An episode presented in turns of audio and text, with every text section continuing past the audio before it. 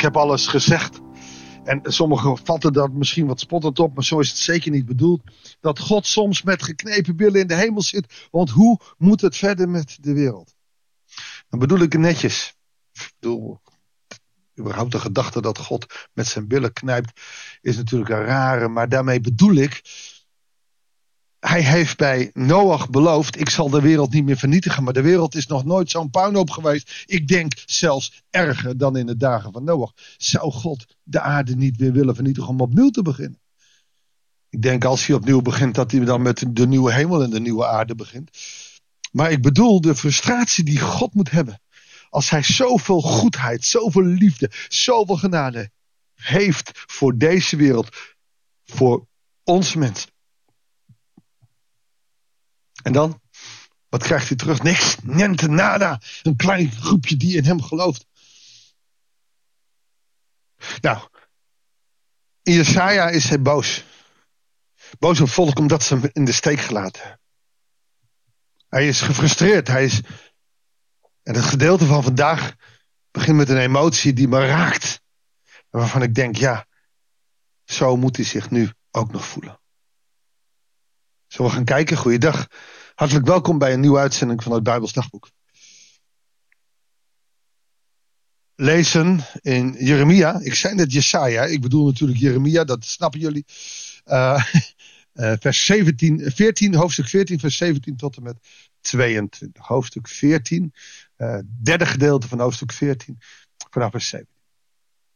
Zeg tegen hen, dat is het volk dus God zegt tegen uh, Jeremia, zeg tegen het volk, laten mijn ogen vloeien van tranen, nacht en dag. Dat is God. God zit met verdriet over de wereld in de hemel. Heeft God ogen, heeft God tranen, weet je, het gaat om de emotie. Hij heeft de ellende gezien waarin zijn volk leeft, maar ook de af, afstand die het volk neemt van hem. Dat moet dan op zijn minst over Nederland. Ja, je woont er of je woont er niet. Terwijl ik weet dat er in het buitenland ook mensen luisteren. Wat geldt voor België, Amerika, Zweden, Duitsland. Uh, waar jullie ook zitten als luisteraar. Wel gaaf hè, dat het wereldwijd is. Dat vind ik wel heel leuk hoor. Maar goed, dat is zijpad. Waar je ook zit, zeker in de westerse wereld. Moet God over huilen.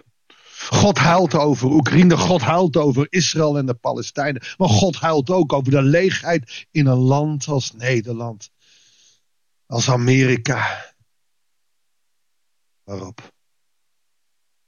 God huilt tranen in zijn ogen omdat wij God in de steek gelaten hebben. Omdat wij God als een godsdienst hebben neergezet en niet als een levende werkelijkheid. Wie van jullie kan zeggen dat hij een levende relatie met God heeft? Dat is belangrijk. Het gaat niet om de religie, om de kerk, om... Nee, natuurlijk, de kerk is een onderdeel en daar kan je je opbouwen. Maar de kerk is niet heilig. Helemaal gek. De gebouwen niet. Helemaal... Nee, het gaat erom jou. Jouw lichaam is de tempel van de Heilige Geest. God wil dat jij een levende relatie hebt met Hem. Daar wil hij er heel veel van. En dat die samenkomen in kerkdiensten om, om, om te leren en om samen die gemeenschap te hebben. Dat is wat Jezus ook bedoelt. Dat is heel belangrijk. Maar het gaat om die persoonlijke relatie. En hij ziet het steeds minder, ook in deze tijd. Laten mijn ogen vloeien van tranen, nacht en nacht. Ogen komen niet tot rust, want mijn volk is deerlijk verwond. Niet de hele is zijn letsel. Nou, dan denk ik aan Nederland, dan denk ik aan het rijke Westen. Als ik naar akkers ga, zie ik ze liggen geveld door het zwaard. Als ik de stad in ga, zie ik ze liggen uitgeteerd door de honger. Zelfs profeten, zelfs priesters komen terecht in een onbekend land. Er is dus ballingschap. Er worden dus mensen uitgemoord en hij ziet het en het doet hem zeer. En toch is hij boos, want ze kiezen niet voor hem. Dan die vraag: Hebt u Juda verworpen? Hebt u van Zion zich afgekeerd? Waarom hebt u ons zo hard geslagen dat er geen genezing is voor ons? We hoopten op vrede, maar vrede bleef uit. We verwachten genezing, maar angst overviel ons. Dat komt, Juda, dat komt, christenen.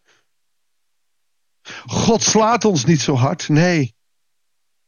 Wij hopen op vrede, maar we werken er niet aan. En dan blijft vrede uit. Wij verwachten genezing, maar we strekken ons niet uit. Wij hebben onze verlanglijstjes wat God allemaal moet doen voor ons. Maar ondertussen gaan we stil, maar wacht maar op de bank zitten tot God het een keer doet. En als God het dan niet doet, als het niet gebeurt, God waar bent u? Zie je wel, God bestaat niet. Zo is dit Calvinistische land groot geworden. Zo lopen de kerken leeg, want God doet niks meer. God heeft ons verlaten. God bestaat niet meer omdat er jarenlang gepredikt is, en dat doet in sommige kerken nog. Dat als je maar gelooft dat God het je dan wel geeft. Alsof je zelf geen verantwoordelijkheden hebt. Alsof je zelf niks in te brengen hebt daarin. Nee, we zullen aan het werk moeten. We krijgen Gods liefde, we krijgen Gods genade. Dat betekent niet dat je op je lauweren kan rusten. Vanuit ons geloof, een levende relatie, moet er wat gebeuren. En als dat alleen betekent dat we zondags naar de kerk gaan en bidden Heer zegen deze spijzen, dan stelt ons geloof niet zo heel veel voor.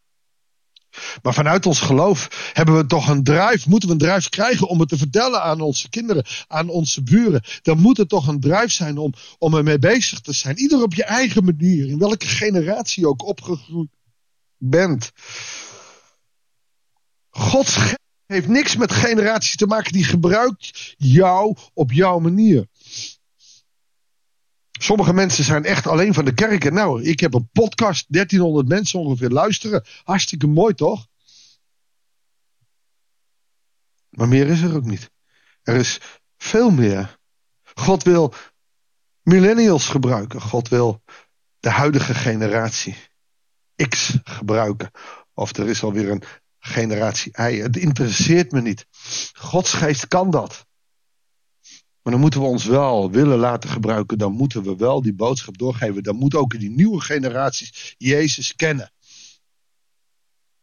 Dat is van levensbelang. Dan moeten we niet op onze lauwe rust en zeggen: Nou, God zal het wel doen. Of weet je, God is toch niet meer te vinden. Als iemand vanuit genade zich laat vinden, dan is het God wel. Geweldig, hè, die God. Het is zo intens wat God met deze wereld kan, zal en wil doen. Alleen wij zien het niet meer. Ik kom heel veel mensen tegen in mijn werk die teleurgesteld zijn door God. Maar feitelijk, en dat realiseren zich niet, zijn ze teleurgesteld in zichzelf. Maar die boodschap, die komt niet meer binnen. En het wordt steeds moeilijker om niet-gelovigen toch weer aan het werk te krijgen in het koninkrijk. Maar misschien zit de omkeer ook wel in dit gedeelte. Want hier wordt gezegd, Heer, we bekennen onze schuld. De schuld van onze voorouders. Wij hebben tegen u gezondigd. Maar verstoot ons toch niet. Doe het niet omwille van uw naam. Ontluister uw troon toch niet. Denk aan uw verbod met ons. Verbreek het niet. En God gaf de oplossing. Hij gaf zijn eigen zoon. Dan ga ik even vanuit Jeremia naar Matthäus. God gaf zijn eigen zoon. En zelfs die hebben we verworpen. Wat moet hij in tranen plengen daar in de hemel? Breng de nietige goden van andere volken soms regen? Nee. Of schenkt de hemel buiten, buien uit zichzelf? U, de Heer, onze God, doet dat toch? Wij vestigen onze hoop op u. Want u hebt alles gemaakt. Nou, dan zie je de belangrijke lijn in het Oude Testament. Zijn er twee. Het is de scheppende God, waar hierop geagendeerd wordt. En de bevrijdende God. God schept iets, wij maken het kapot en hij bevrijdt ons. Dat is wat God doet. Aan hen die rechtvaardig willen leven. Aan hen die God recht willen doen. Zullen we samen bidden? Heere God, deze wereld, vooral het rijke Westen, is zo ver van u verwijderd. Landen als Israël, Korea, waar de kerk niet mag staan, daar, daar komen steeds meer mensen tot bekering. Heere God, maar hier in het rijke Westen steeds minder. Kerken sluiten nog steeds. En mensen gaan misschien uit gewoonte nog naar de kerk, maar een levende relatie hebben ze niet. Kom met uw geest. Heer wil hard, hard toeslaan, ook in het rijke Westen. En dat betekent misschien op een rigoureuze manier. Niet de vernietiging zoals bij Jona, maar laat het ons voelen dat we van u afhankelijk moeten zijn. Heer, leer het ons door de kracht van uw geest. Ook al doet het zeer, want geloven moet schuren. Heer, we stellen onze hoop op u. Wij kunnen die wereld niet veranderen hooguit. En dat vindt u belangrijk. Wel dat wat in onze eigen omgeving zit. We kunnen lam thuis zitten vanuit ons geloof kunnen we wat doen. Niet op wereldschaal, maar wel op lokaalschaal. Gebruik ons, Heer. Of zoals Samuel zei, spreek, uw dienaar luistert. Dank u wel dat u onze God bent. Uw naam zij geloofd en geprezen. Tot in eeuwigheid. Amen. Dankjewel voor het luisteren. Nou, Jeremia gehad. We gaan volgende week ook nog even iets in Jeremia doen. En uh, ik wens je nu voor uh, vandaag, of voor vannacht, het is maar net wanneer je luistert. God zegen. Zorg dat je heel dicht bij hem bent. Dan zul je van zijn genade mogen proeven. Ik wens je het allerbeste en graag tot de volgende uitzending van het Bijbelsdagboek.